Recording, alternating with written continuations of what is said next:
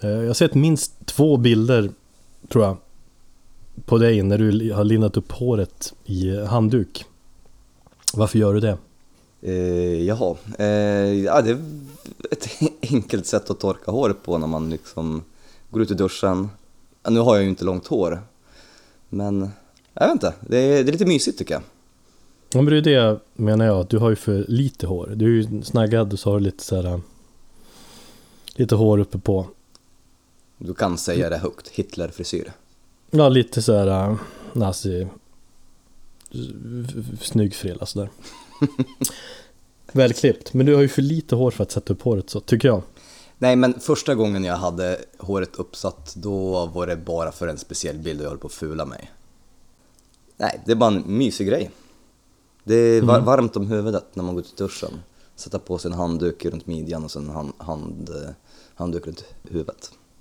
Okej, men det är- det är någonting du gör typ Nej. dagligen då? Nej, nej, nej, nej, nej, nej. Väldigt sällan. Ja. ja. Man gör väl det för att typ kanske inte nöta på håret va? Det torkar bättre i när man har det i handduk så här. Och så att det kan vara lite obehagligt om man har blött hår. Det är en mysighetsfaktor. Mysighetsfaktor, precis. Jag vet, morsan brukar, eller brukade göra så när jag var liten, sätta upp håret. Så jag tänkte som att det är en grej som kvinnor gör. Och sen såg jag Year and a Half eh, dokumentären med Metallica. Har du sett den? Nej, Den är ju, det finns två delar av den. Dels man följer dem i studion när de spelar in eh, svarta skivan och sen får man följa dem turnén efter. Och då i omklädningsrummet efteråt så sätter de upp håret så här och tänkte jaha. Det är att man har långt hår får man göra, det är okej för snubbar att göra det också. och hårdockare. precis. Men som sagt, jag tyckte du har lite för kort hår för att göra det. Jag har funderat faktiskt på att eh, spara ut mitt hår. Jaså? Mm, jag får såna här eh, impulser ibland och jag hade en nu senast så att... Men ja, det är en lång process. Jag har ju sett någon bild tidigt 2000-tal när du har långt fint blont hår. Ja, Kör på det igen. Kan vi headbanga kapp sen.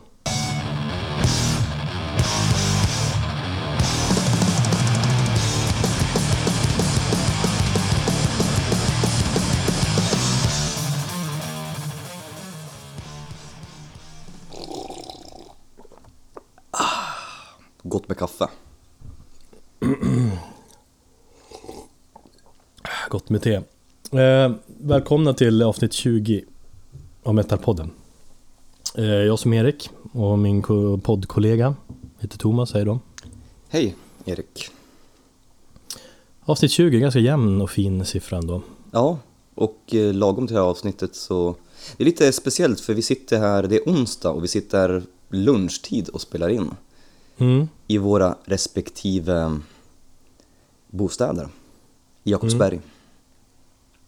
Så det är inget kvällssnack, så att vi är inte trötta och vi är inte, vi är inte slitna heller. Mm. Lite slitna för, är du. får tala för dig själv där. Ja. Nej, jag är ju inte frisk än, men vi, idag skippar vi snacka sjukdomar och den grejen. Det tycker Jag jag. är less på skiten. Ingen medicin-podden idag. Nej, Idag ska vi snacka Inflames. en hel del In Flames också. Mm. Men innan dess måste vi prata lite Ghost. Ja, de annonserade ju, eller de släppte ju en ny låt här i dagarna. Precis.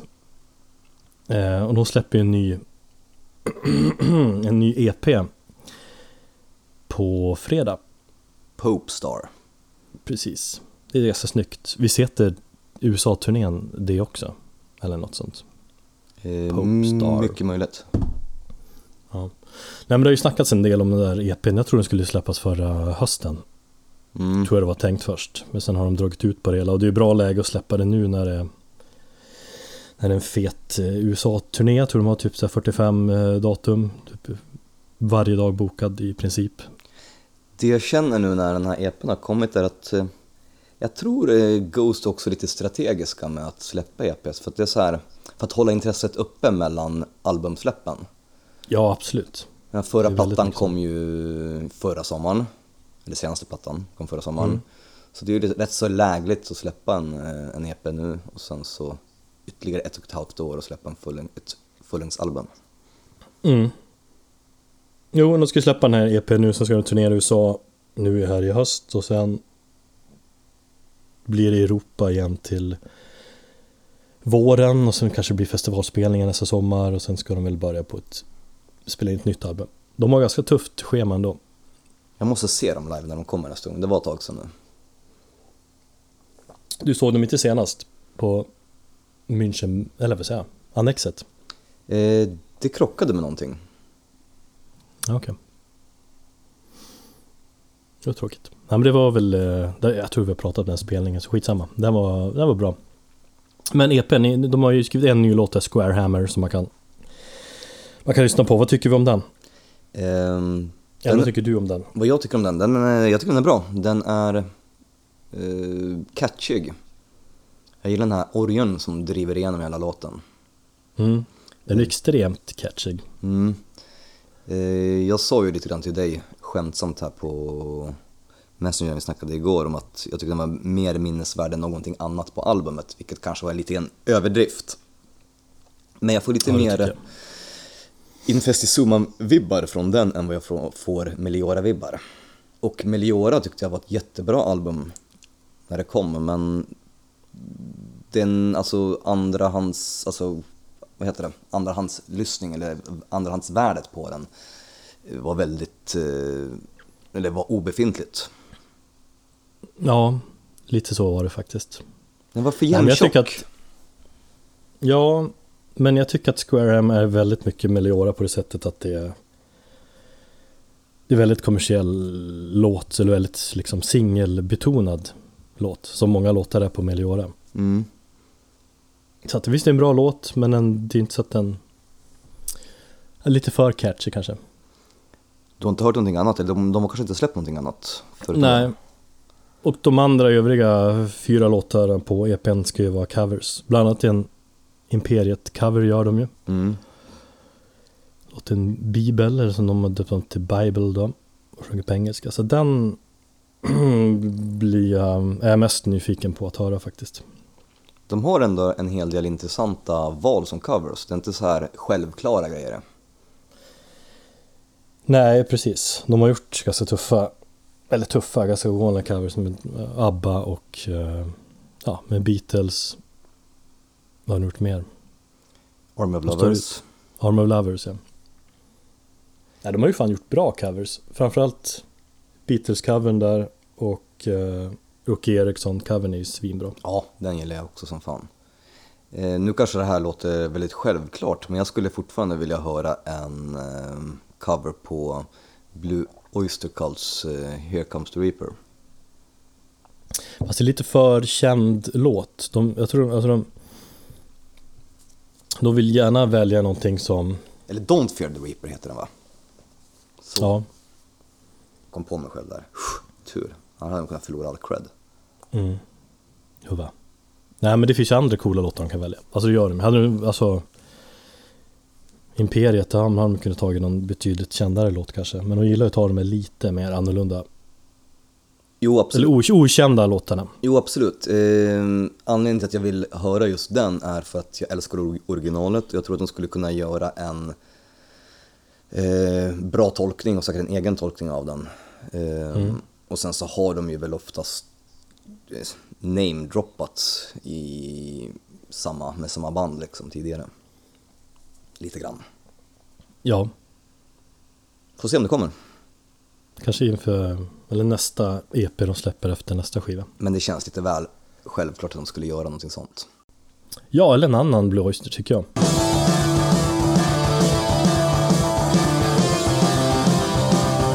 Förresten, innan vi hoppar in på Inflames här så funderar jag precis här på vilket är Sveriges största hårdrocksband just nu?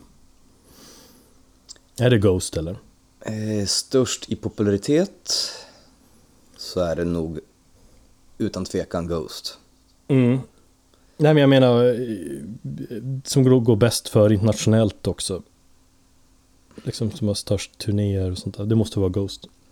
Alltså du pratar ju störst och behöver liksom inte vara det bästa. Nej, nej, jag förstår det. Men eh, alltså om man tänker på, på In Flames eh, så har de väl sålt över 2,5 miljoner album och de har ju en helt annan peng att röra sig med om man säger så. Det är ju som när jag mm. pratade med Ghost där inför Meliora-plattan och de sa att de har ju inte riktigt pengar till att göra det, den typen av scenshow de vill. Men att de sakta men säkert på väg upp. Medan In Flames utan problem skulle kunna bränna liksom 100 000 på bara pyro. Mm. Så rent företagsmässigt eller omsättningsmässigt så tror jag att In Flames är betydligt större men populärast eller ja, hetast just nu är ju Ghost. Fast känns, det känns ändå som att In Flames har haft sin peak. Och falnat lite grann så. Jag, gör de lika stora turnéer i, liksom, i USA nu? Det gör de väl inte, kanske? De har väl täckt eh, USA och lagt USA för, för sina fötter sedan länge. Liksom. Det gjorde de där i början av 2000-talet och körde jävligt hårt. Mm. Så just nu så tror jag att de faktiskt kan luta sig tillbaka och eh, välja lite mer, eller vara, vara lite mer selektiva med sina turnéer. Mm. Det är ju inte den här två månaders sträck, sträckorna som vi köra längre. Nej. Band som eh, Opeth då, de är ju ändå rätt stora också. Ja, absolut, men nej, inte... För, är... för Heritage-plattan sålde ju svinbra. Den var väl typ ganska högt uppe på Billboard-listan har jag för mig. Till exempel.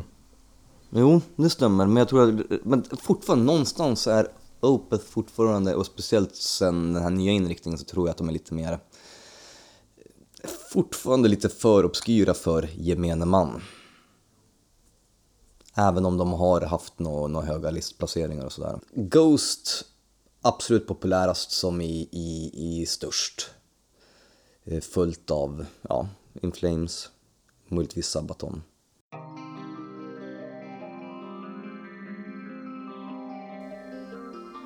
In Flames. Eh, två nya låtar har ju släppts. Eh, en platta kommer släppas den 11 november om jag inte minns fel, veckan efter min födelsedag. Det är rätt intressant därför att första och andra veckan i november där så är det väldigt många band som jag växte upp med och som präglade mina, mina tonår och min barndom.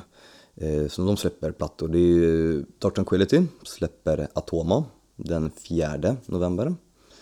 Eh, In Flames veckan därefter. Jag tror att Hammerfall om de inte släpper i slutet av oktober så släpper de där i början av november.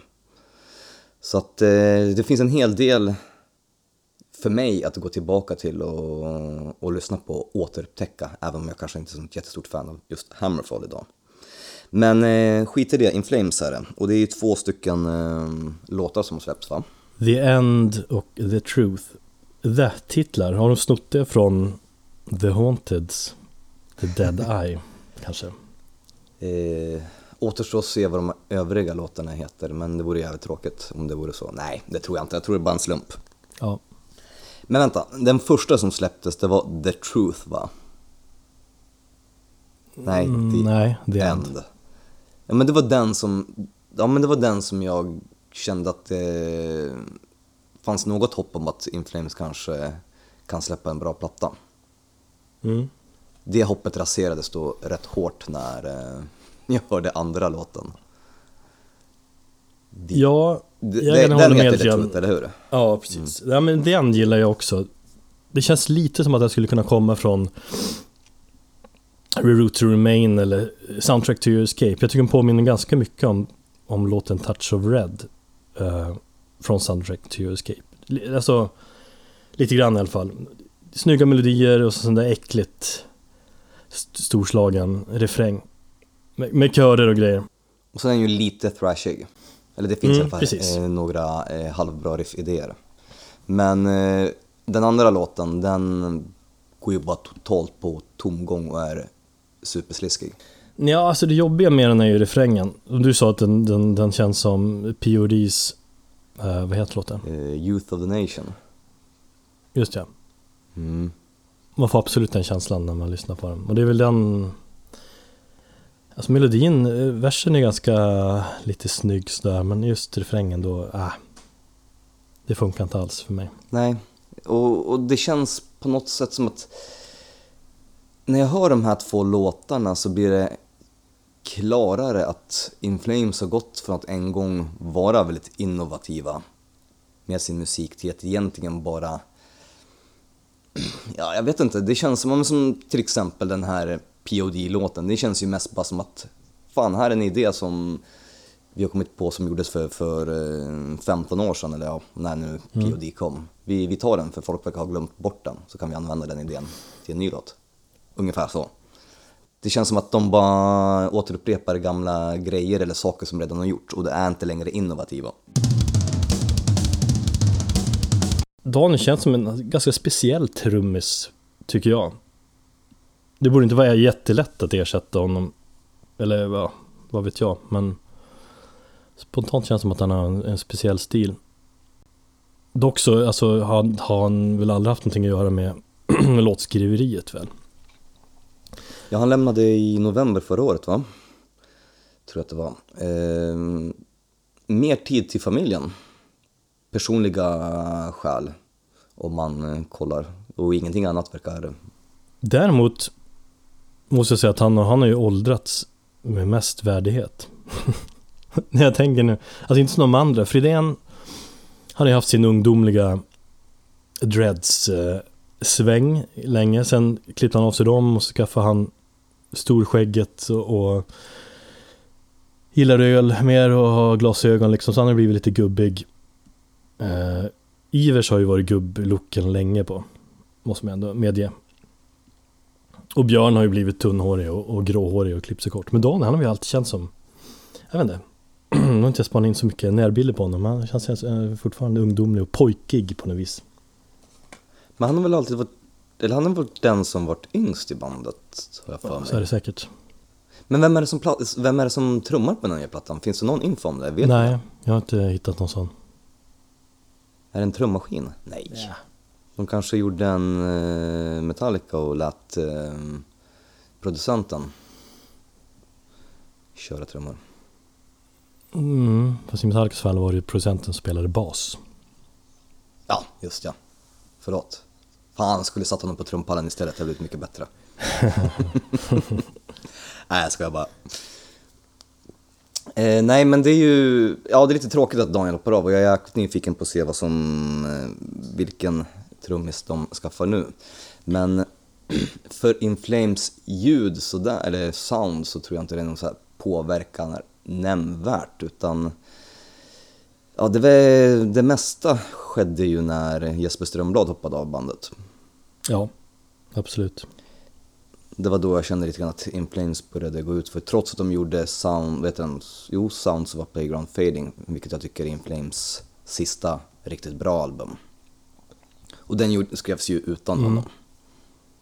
Och eh, jag tror det var väl första plattan som Engelin var med och skrev på också. Ja, han har bidragit till musik. Jag är lite osäker på det, men eh, han hoppade ju in där något, om det var samma år eller året mm. innan. Så jag vet inte hur mycket material som var skrivet eller inte. Eh, men i alla fall den plattan känns ju på riktigt som fortfarande mm. In Flames. Den har alla signaturmelodier, den har, den har eh, både nytt och gammalt. Och sen så efter den plattan och Siren Charms, det var då jag gjorde mitt, mitt avslut med bandet. Men du är redo att, om nya skivan är bra, att, gå, att börja gilla dem igen? Att, du är redo att ta emot dem i öppna armar? um, alltså, jag har ju inte stängt dörren helt, men eh, det finns väl inte en springa där som man kan kika igenom. Men jag tror inte att jag Alltså, vissa band, och det har jag tänkt på väldigt mycket, och det är just den här hösten nu i november där när just de här Göteborgs, de klassiska Göteborgsbanden eh, släpper musik, så har jag tänkt på hur mycket den här musiken betydde för mig förut. Alltså, jag har ju en spe eh, speciell relation med Metallica, som, eller med In Flames som skulle kunna liknas vid din relation med Metallica. Skillnaden mellan oss är att du fortfarande håller hårt i Metallica på något sätt, eller? Ja. och jag vill väl också hålla kvar vid Inflames på något sätt i och med att de har betytt så mycket för mig. Men jag har väl kanske släppt det lite mer än vad du har släppt Metallica. Och eh, jag har ju inte stängt dörren helt, men jag har också accepterat att Inflames var ett band som betydde otroligt mycket för mig när jag växte upp och nu har, som en vanlig relation, den har liksom bara, gnistan har försvunnit och man går skilda vägar och man växer ifrån varandra. Mm. Vilket inte betyder att jag eh, inte kommer kolla in bandet och hålla mig uppdaterad om dem. Men musiken kommer nog aldrig, aldrig påverka mig på samma sätt som den gjorde när jag var ung. Så är det ju något allmänt om musik. Jag har sagt det förut, men jag tror att det är det man hela tiden söker, den här kicken man fick av musik när, eller konserter och så när man var typ 14 bast. Mm. Som något jättebra knark, att man hela tiden söker den, den kicken igen. Men känner du också så att du, du har liksom förlorat gnistan med många band? För att jag söker efter den här kicken och den är ju... Den kommer ju väldigt, väldigt sällan. Mm. Ja, men så är det. Det är därför man hela tiden man söker nytt, man gräver djupare, man vill liksom ha någonting som utmanar en liksom. Ja. Nya stilar, nya genrer. Ja, för att eh, tar du liksom och jämför med de banden som jag, men säg At the Gate, eh, Soilwork, alla de här Göteborgsbanden, nu i och för sig inte Soilwork Göteborg utan Helsingborg, men de, ja, alla de här banden kring den eran som, växte upp, som jag växte upp med under tidigt 90-tal, mitten av 90-tal, så har nog de flesta, har jag nog tappat kontakten med de flesta av de banden. Mm. Eller jag, jag känner inte samma passionerade iver att lyssna på deras eh, musik. Eh, Dark Tranquility till exempel har jag tyckt blivit lite tråkiga och de kör för mycket liksom safecards. De spelar alldeles för säkert med sin musik. Nu har jag fått eh, möjligheten att lyssna på nya plattan som kommer 4 november eh, och de har gjort lite nya grejer där som gör att jag på något sätt ändå kan behålla intresset. Soilwork eh, är å andra sidan ett band som jag tycker har blivit egentligen bättre med åren om du jämför med Darton Quillity och Inflames.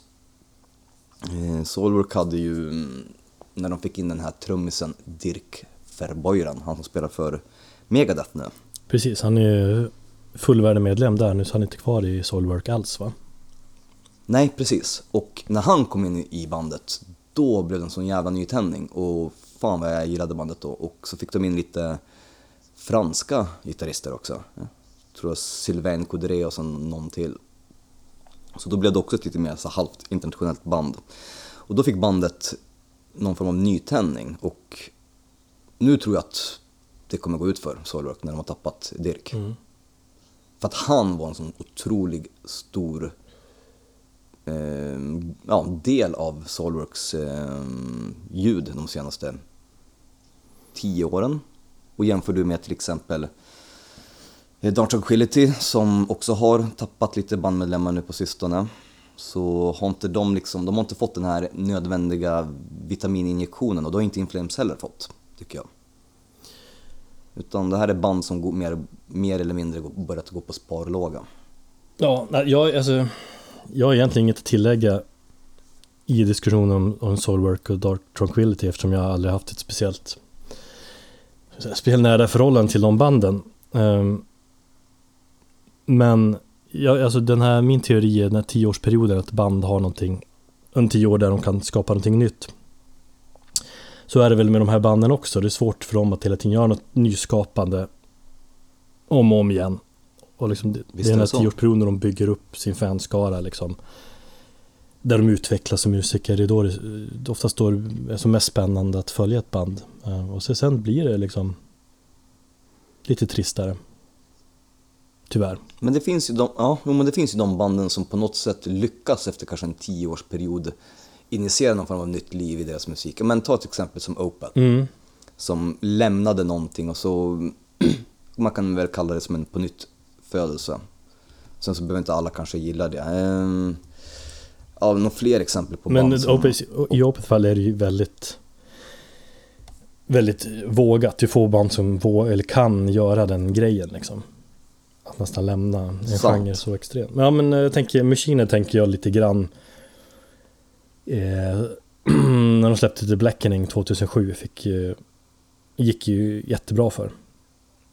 Ja, Ehm, för då hade de ju varit band sen, eller släppt första plattan 94 liksom. men de, de fick ju överhuvudtaget en på nytt födelse när de släppte, när de skippade nu metal-fasen och eh, ja, släppte Through the Ashes of Empires. Precis. Eh, Jag tänker på Dark Throne som också på något sätt har förnyat sig var, var tionde år. De har funnits i 30 år, första 10 åren kan man säga black metal, sen var det någon form av crustpunk, heavy metal och nu går de in i någon ny fas med nya plattan. Så att, eh, ja det finns band som lyckas förnya sig och behålla någon form av integritet och fanskaran. Det kommer ju alltid falla bort band, eller eh, fans. Men eh, i fallet med just In Flames så har de ju fått så otroligt jävla mycket skit genom åren. Ehm, och mycket tror jag av skiten har riktats mot Anders Fridén. För att han på något sätt skulle vara ansvarig för bandets ändrade ljudbild, vilket jag tycker är lite bullshit. För att det är ändå fem personer i bandet som alla bestämmer och att det är någon form av demokrati, vill jag tro. Ja, och det har väl varit eh, gitarristerna liksom som har skrivit musiken. Precis. Jag, inte, jag läste ju faktiskt en intervju, eller från Blabbermouth nyss, om eh, Jesper Strömblad har skrivit någon kommentar eller postat något på Facebook där han skriver någonting om att han är glad att han har att han lämnade det sjunkande skeppet. Jaså? Och så hade han kommenterat, det är någon intervju med Fridén där och eh, Björn, vad heter han? Björn Charlotte? Charlotte. Charlotte? Charlotte. Mm. Nej men när de säger att, ja men, tror jag i alla fall, där de säger att eh, de klarar sig så mycket bättre med, när de är två låtskrivare istället för tre, för att två går så mycket lättare grejer. Men han, då Strömblad skriver någonting om att att Fridén inte är riktig låtskrivare sådär. Mm. Och så, ja, men typ lite bitter kommentar att ja, jag är glad att jag lämnade det sjunkande skeppet. Och han har väl kanske lite rätt i det också. Ja, fast ändå så känns det som att han lämnade på grund av andra... Eh, Anledningar, ja alkoholproblem och så. Ja. Men, ja. mm. Nej men absolut, sen bandet, sen han hoppade av bandet så eh, har ju kvaliteten sjunkit. Jag saknar ju bland annat de här, ja men de här drivande gitarrmelodierna och de här liksom, ja gitarrleadsen i musiken. Och, och det är hårdare In Flames. Kan man ju sakna. Ja, Alltså det är ju, jag tycker jättetydligt att det lite, blev lite för tungt ok att bära för, för Björn att skriva all musik när Jesper är borta. ja. Och det är väl, ja, det är inte konstigt. Sen så har ju Inflames alltid varit speciella när det har kommit till att skriva catchiga refränger. De har alltid haft en jävligt fin känsla för eh, melodier. Och det kan jag väl påstå att det, det sitter väl kvar även om kanske själva melodi, melodierna i musiken har skiftats från gitarr till kanske lite mer synt och ja, Anders rensjungna sång. Ja, alltså de är otroligt bra på att skriva de här snygga melodierna och refrängerna. Men alltså, då, jag tycker de får ge sig lite med den grejen. De kör liksom, ja men Eller det är allsångs-OS. Och, det, och jag, jag har känt det senaste, ja men senaste gången jag sett bandet live, nu, nu var det ju ett tag sedan men då står man där med de här kidsen som är 10-20 år yngre än vad man själv är. Som sjunger med, bara skriker med varje jävla refräng så jag inte hör liksom bandet. Då blir jag lite förbannad. Det får inte, det, de, är, de gör lite för allsångsvänliga refränger nu för tiden. En annan sak som jag också börjar bli trött med på bandet, det är att alla, eller de flesta låtarna är väldigt eh, liknande i sin uppbyggnad. Alltså In Flames har en formel som är typ deras signum. Och det är ofta så, men typ eh, ett lite snabbt akustiskt intro, vers, vers, förvers, eller före refräng, refräng, eh, solo, brygga, slut, refräng.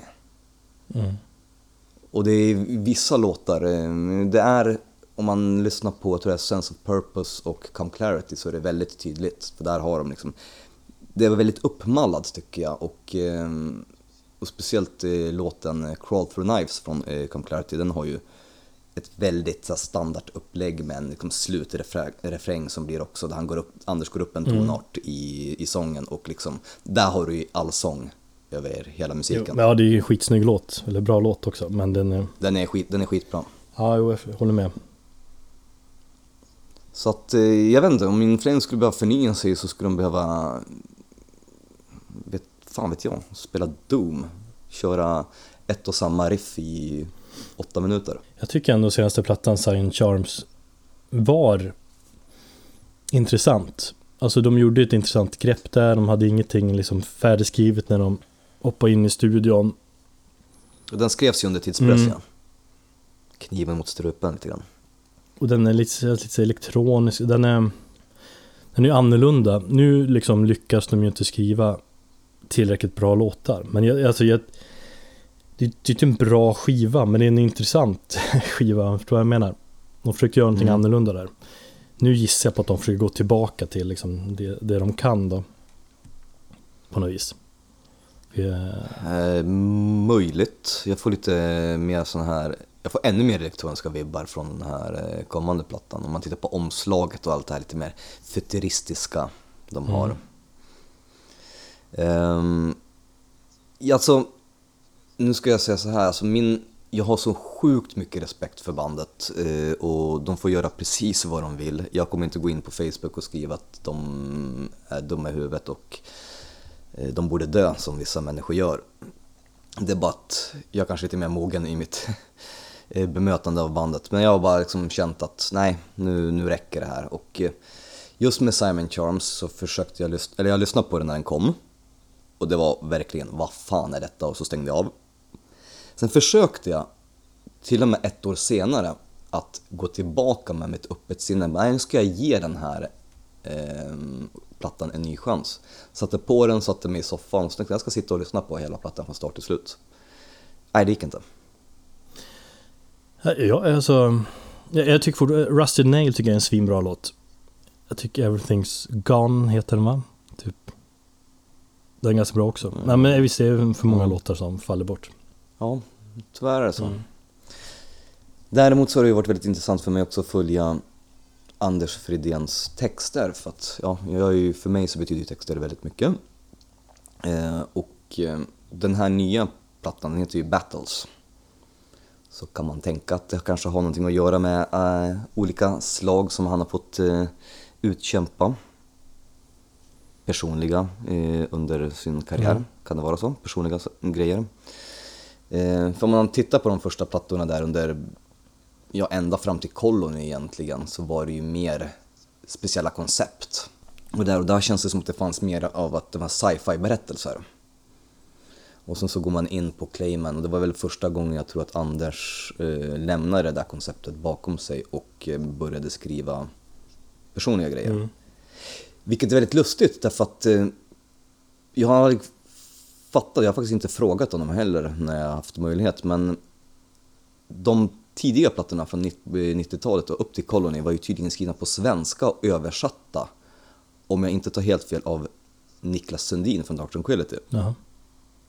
Så att jag vet inte om Anders inte kunde skriva på engelska eller om han var begränsad eller någonting. Eller att de hade ett koncept på svenska för de var översatta. Och sen så märkte man liksom 2000 när han började göra mer personliga grejer, då var det kanske lite mer trevande engelska. Men ju mer plattor han släppt, ju mer han har skrivit och ju mer personlig han har blivit, desto mer tycker jag att han har fått sin egen ja, personliga touch på texterna. Jo, absolut. Och, och det finns väldigt många saker där som är väldigt talande och väldigt träffande för mig. Och det är lite lustigt för att nu nämnde det här med att när du nämnde Anders utseende, att han har ja, klippt bort sig dreadsen och allting och skaffat skägg och glasögon. Han tatuerade sig väldigt eh, sent också. Mm, han gjorde det bara för några år sedan tror jag, sin första tatuering vill jag minnas. Och det är så lustigt därför att han har fått jävligt mycket skit för sitt utseende och hur han ser ut och hans stil. Vilket jag totalt är ointressant för mig och ointressant för musiken.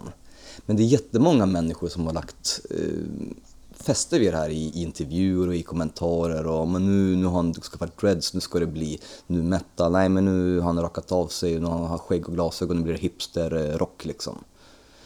Eh, och det där kan jag relatera till för att jag har också fått så här väldigt mycket inom mina, och jag har också varit en människa som har ändrat stil väldigt eh, mycket in i, i mina ungdomens dagar.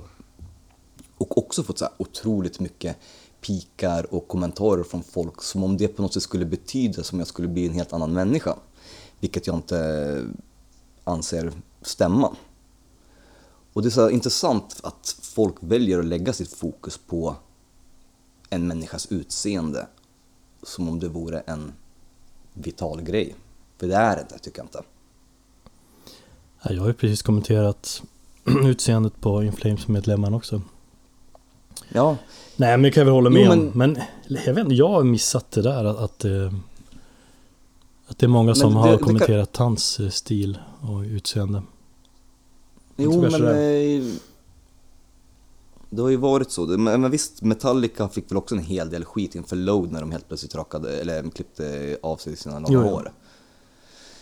Eh, men det är alltså, fast i just Metallicas fall så var det kanske någon form av enhetlig riktat mot gruppen. Men jag tycker just att han som, i och med att han är frontfigur och ansiktet utåt så verkar det som att han har fått tagit mer skit. Och det är liksom, man kollar, eh, ja, olika um, intervjuer och sånt där så, så har han liksom indirekt pratat om det. Mm. Jag vet bland annat inför, jag tror det var Soundtrack to Escape.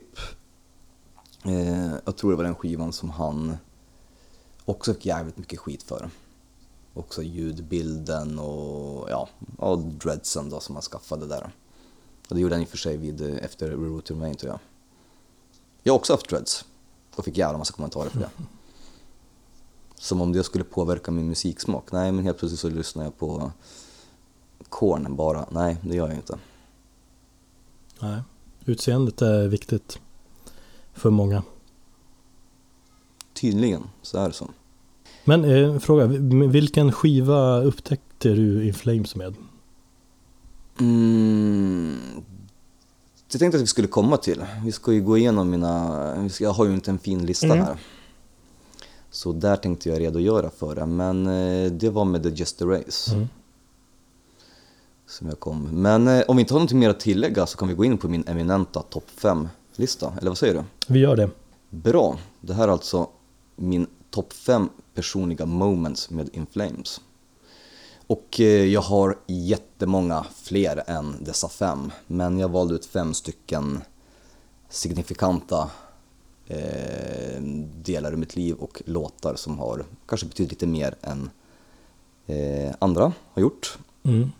Och eh, ingen inbördes eh, ordning utan vi kan ta det från kronologiskt från början helt enkelt. Och enligt tradition här på Metalpodden så gör vi ju en topp fem Ja, precis. Så nu är det, nu är det min tur.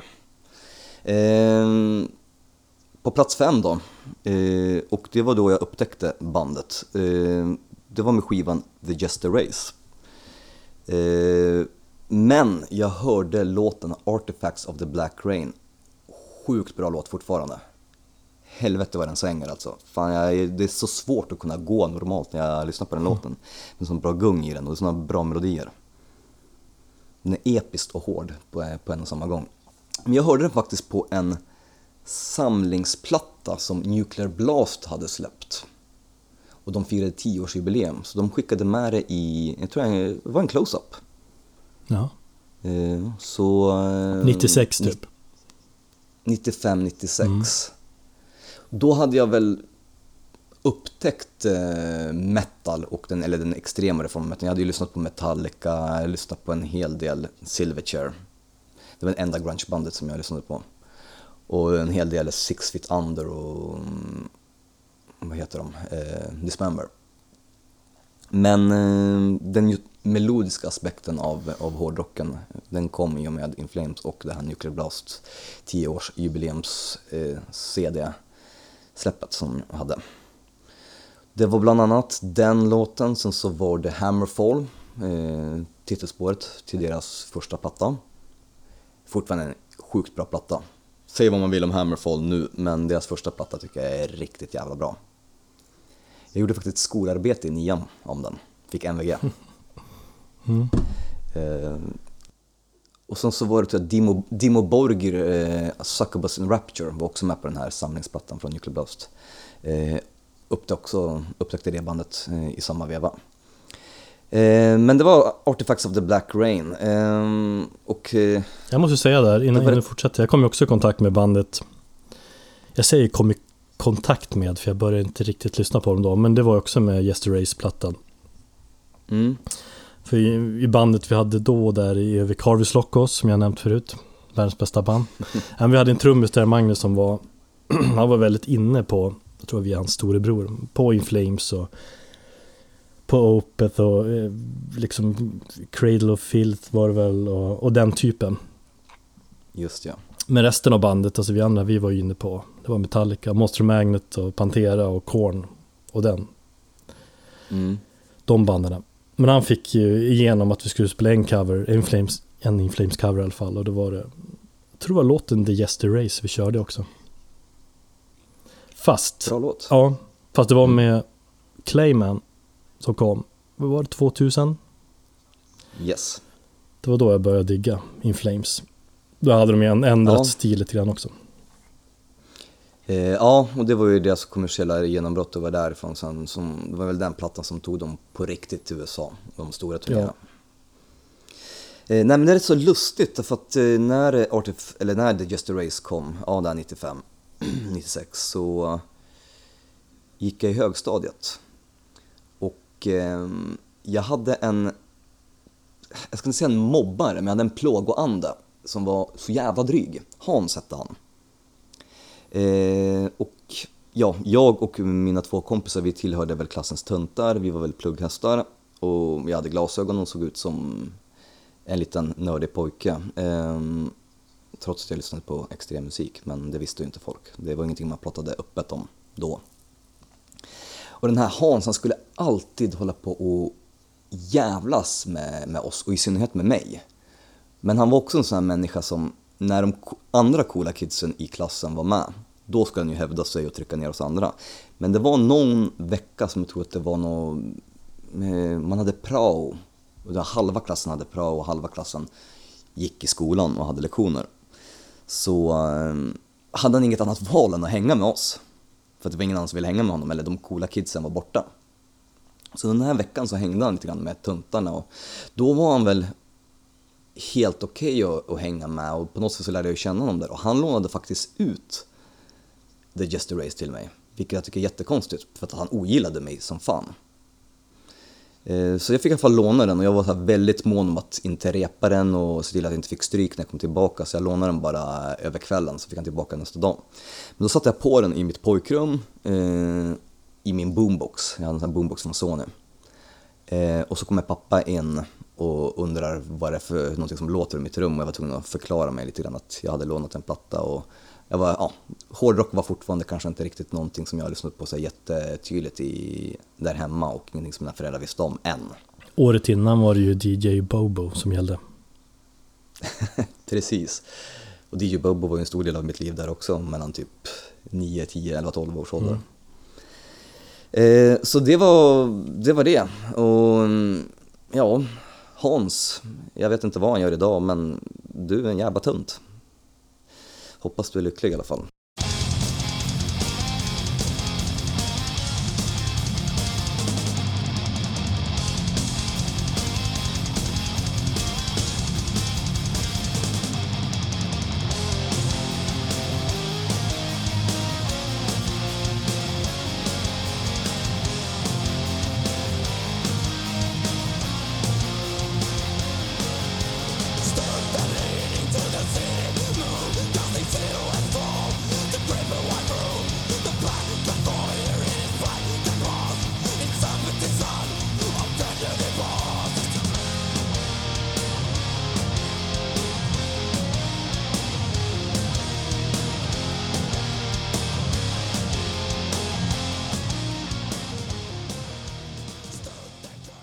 Nummer fyra. Det är Ordinary Story eh, från Colony, andra spåret där. Mm, den plattan kom 98-99. Eh, en platta som, ja, jag tycker det är bandets bästa platta och det var deras peak där, för den var både melodiös men den var också jävligt hård. Ehm, och jag hade faktiskt skickats iväg på ett sommarläger det året. Jag skulle fylla 16. Eh, och mamma frågade mig bara, men du, skulle du vilja åka till Barcelona och hänga i Pyrenéerna en sommar? Jag bara, men fan vad kul, det blir ju jätteroligt. Så ja, men visst det är en grupp från Stockholm som ska åka någon förening, så ja, du får åka med dem. Och jag var ju där en månad i eh, Barcelona och i Pyrenéerna med det här eh, gänget från Stockholm, vilket mycket, mycket senare fick jag mm, reda på att det var Opus Dei. En väldigt extrem falang ur um, den katolska rörelsen. Känner du till dem? Vad hette de? Opus Dei. Ja, nej. Jag tror ibland om du läser, eller om du tittar på den här, eller läser, eh, vad fan heter han? Eh, Änglar och Demoner eller Da Vinci-koden. Eh, en av de onda gubbarna där som jagar Tom Hanks i filmen, han är Opus Dei. Eh, det är jätte, man är jättetroende gud och gör man någon synd så ska man mer eller mindre piska sig själv. Vi behöver inte gå in närmare på det, men det är en mm, rätt så extrem rörelse, skulle jag påstå. Men jag tycker ju att allt med Jesus är väldigt extremt. I alla fall, andra spåret, Ordinary Story. Anders sjunger lite rent där också i början, innan han mm, liksom brister ut i att börja skrika och growla. Eh, en jävligt bra låt och eh, ja, jag gillade att lyssna på, på Colony och just den låten under tiden jag hängde med de här jävla eh, katolska människorna i Barcelona. Vilket också så här, efteråt bara fan, jävlar vad de bad mycket och nu börjar jag fatta varför. Alltså jag, jag var 26 år gammal när jag fick reda på, alltså 10 år fick jag reda på att det var Opus Dei jag åkte med. Jag trodde så här, men det här var någon församling, en kristen församling liksom. Jag tänkte inte på det för att jag ville ju bara åka och spela, ja, vi spelade fotboll, eh, sightseeing upp och gick i bergen, hiking, whatever liksom. Och som 16-årig pojke så var jag inte intresserad av att be till Gud utan jag tänkte bara fan vad de ber till Gud, äh, fuck it, jag sätter mig längst bak här i kyrkan och lyssnar på hårdrock. Och det är det bästa man kan göra. Men förutom att de bad mycket så var det ändå ganska okej. Okay. Fina ungdomar. Ja. Det var inget konstigt med dem så. Nej, det var en hel del eh, lite stökiga ungdomar som hade kom från ja, stökiga familjeförhållanden som skulle på något sätt eh, rättas ut och mm, försöka bli dugliga medborgare. Jag var inget era utan jag bara fattade inte bara fan, jag tror vi, de bad fem sex gånger om dagen.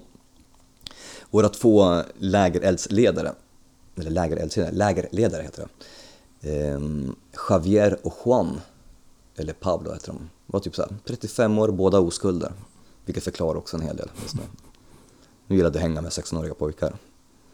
Men alltså, jag, jag, har ingenting ont att säga om själva min vistelse. Vi hade skitkul och jag hade jättemånga olika minnen. Jag fick ju se en stor del av Spanien. Så jag får väl tacka Jesus för det.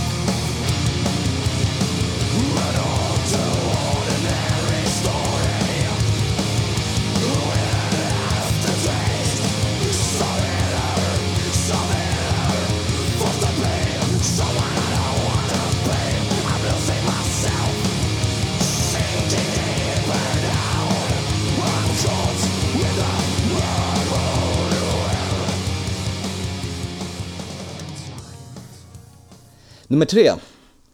Square Nothing från just Clayman 2000 där. Eh, det är ju plattan som eh, Anders började sjunga lite mer, eller skriva lite mer personligt och just den låten är också rakt upp och ner rätt så öppen tycker jag om att han kämpar med någon form av, han kämpar med sig själv och olika demoner och sånt där. Kan tycka att textmässigt så är den kanske lite väl enkel i sina stunder men jag tycker den är effektiv och jag gillar hur den börjar lugnt och sen bara totalt eh, också spåra där i, i refrängen när han sjunger att han eh, spend some quality time with the demon of mine. Och det kan jag relatera till väldigt mycket. Vad tycker du om den låten? Mycket bra låt. Mm. Det finns många bra låtar på den plattan, som jag, men det är nog den låten som talar till mig mer personligt. Mm.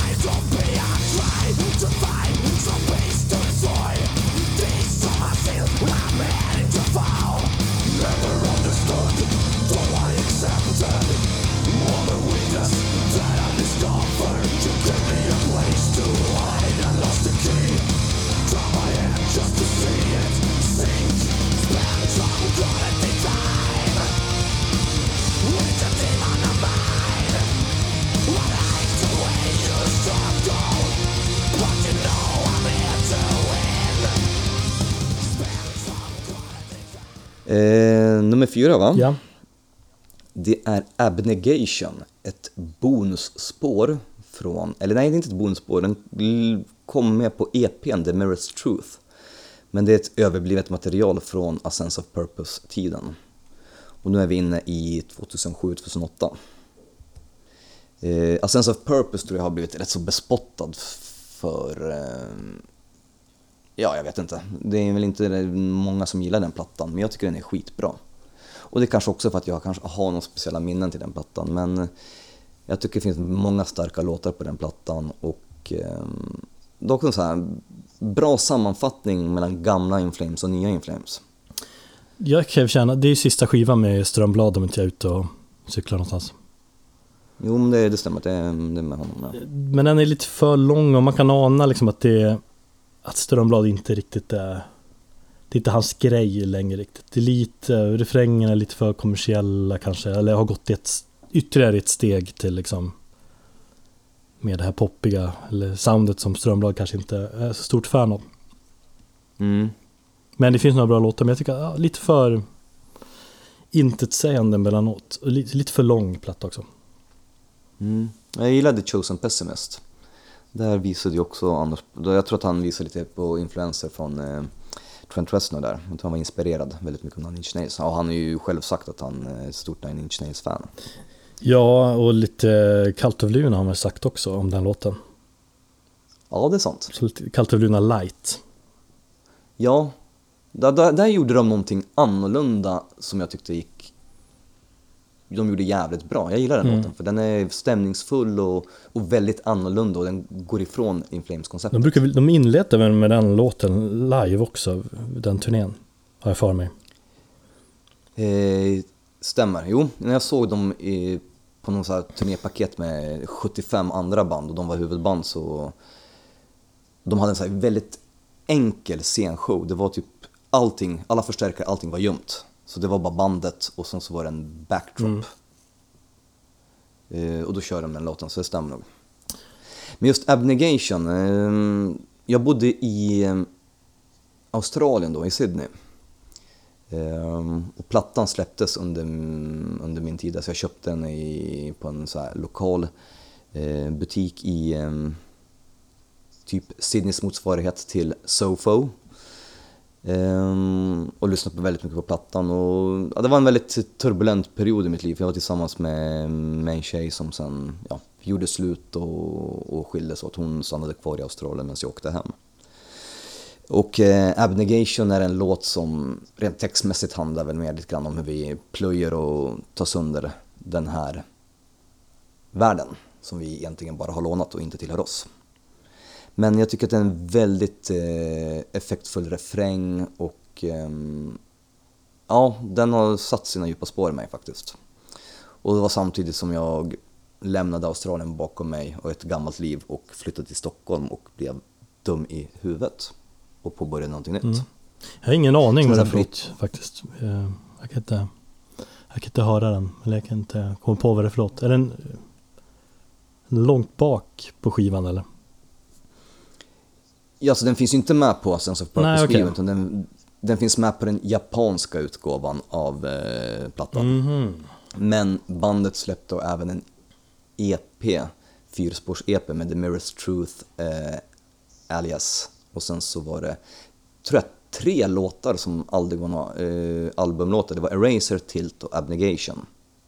Sen om de kom före eller om de kom efter, det minns jag inte. Men det är i alla fall tre stycken eh, låtar som inte är med på albumet som är med på en, på en liten EP vid sidan av. Mm. Och Abnegation är en av dem.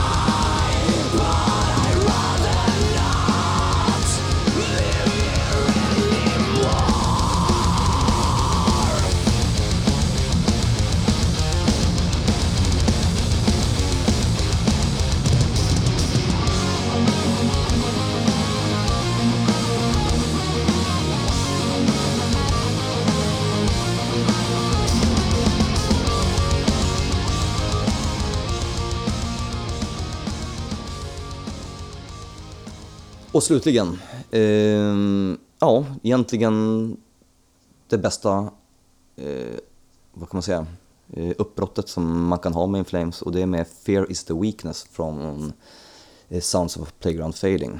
Och det är ju den sista plattan som jag lyssnade på med In Flames och fortfarande tyckte var bra. Och den texten är ju rätt talande för Jesper Strömblad och situationen som bandet hade med honom. Har du lyssnat på den? Ja, alltså det skivan överhuvudtaget var ju, var ju positiv. Bättre. Det sista, sista låten bara, Liberation. Jag tycker den är så jävla dålig. Det är så synd att de, det är så synd att de bara inte kunde utelämna den. För att de avslutar tror jag med någon låt som heter New Dawn och sen så kommer Liberation. Och det är bara någon så här, ja men det är ju Allsång på Skansen. Mm. Ja, fan på den. Nej men vad har vi för annars? Ja men Fear is the Weakness, låten efter är väl uh, Where the Dead Ships Duell som jag, den är ju jävligt bra. Mm, det stämmer. Nej men just den här låten, den har, den har ett bra, bra driv, den är aggressiv, den är eh, melodiös, den har ett vemod i sig och väldigt personliga texter om hur, han, hur Friden sjunger om att It's sad to see you go, it was never meant to be, you're dragging us down. Så att Eh, den tror jag har en, en hel del, liksom, det är väldigt mycket sorg i den. Jag tror det är kanske andra sätt att bearbeta uppbrottet med Jesper Strömblad. Mm. Och det tror jag, tycker jag även är liksom sista stora eh, beviset på att Inflames fortfarande kunde göra bra musik innan det gick nedför. Så det är mina topp fem personliga moments med Inflames. Eh, ja, Håller du med mig? Nej, jag skulle tagit några helt andra låtar faktiskt. Men eh, det var väldigt eh, otippade låtar någonstans. Det gillar jag. Ja, men jag vill inte ta de mest självklara Nej. heller för att eh, det är så många som gillar alla de här eh, liksom fansfavoriterna. In Flames We Trust. In Flames We Trust. Eller gör vi? Vi vet inte om vi gör det längre. In Flames We Doubt Until Proven Otherwise. Det återstår att se i november. Mm. Då kommer domen.